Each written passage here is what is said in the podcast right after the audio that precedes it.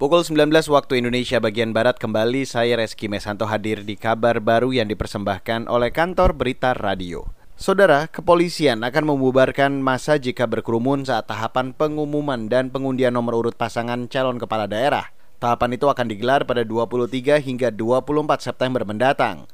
Anggota Bawaslu Rahmat Bagja mengatakan, dua tahapan itu berpotensi menciptakan kerumunan seperti saat tahapan pendaftaran dulu.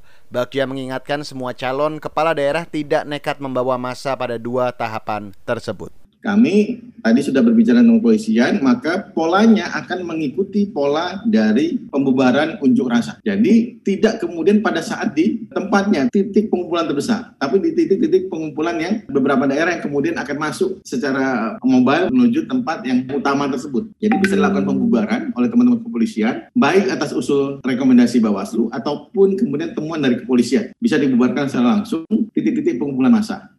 Anggota Bawaslu Rahmat Bagja menambahkan pihaknya bersama kepolisian telah membentuk tim kecil untuk memantau dan menangani pelanggaran protokol kesehatan di lapangan. Bagi pasangan calon yang melanggar protokol dengan membawa kerumunan akan ditindak sesuai undang-undang tentang wabah penyakit menular.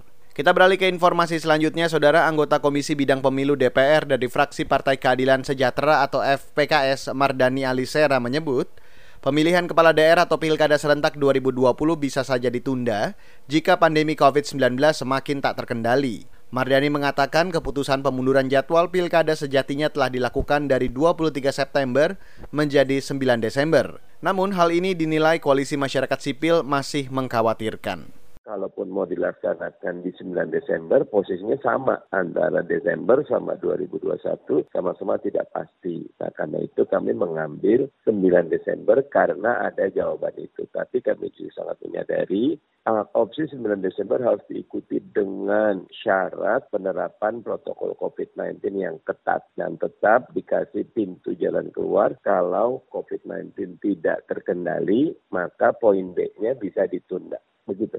Mardani mengatakan penundaan pilkada dimungkinkan sesuai kesepakatan tiga pihak, yaitu KPU, Komisi 2 DPR, dan Kemendagri. Menurutnya, pilkada serentak tahun ini mesti dilaksanakan dengan penuh kehati-hatian dan perlu peran ketepatan penanganan pemerintah. Sebelumnya, Komisi Pemilihan Umum atau KPU memastikan tahapan pilkada serentak 2020 tetap berlangsung meskipun di tengah tren kasus COVID-19 yang semakin meningkat. Komisioner KPU Idewa KD Wiarsara Kasandi mengatakan belum ada opsi atau ketentuan mengenai penundaan tahapan maupun penundaan pemungutan suara. Dan informasi terakhir di kabar baru pukul 19 seputar kebakaran gedung Kejaksaan Agung, di mana Kejaksaan Agung atau Kejagung berjanji akan membantu mengungkap tersangka tindak pidana kebakaran yang melanda gedung Adiaksa 22 Agustus lalu.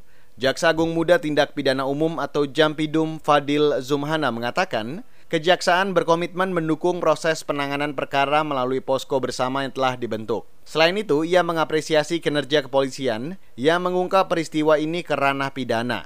Kata Fadil, Jaksa Agung mendukung penuh proses penyidikan ini.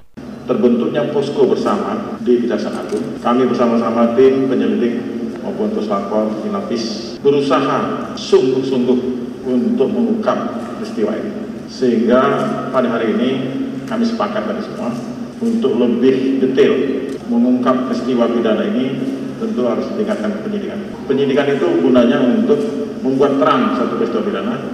Jaksa Agung Muda Tindak Pidana Umum atau Jampidum Fadli Zumhana. Sebelumnya, Baris Krim Polri menduga peristiwa kebakaran yang melanda gedung Kejagung masuk ke ranah pidana.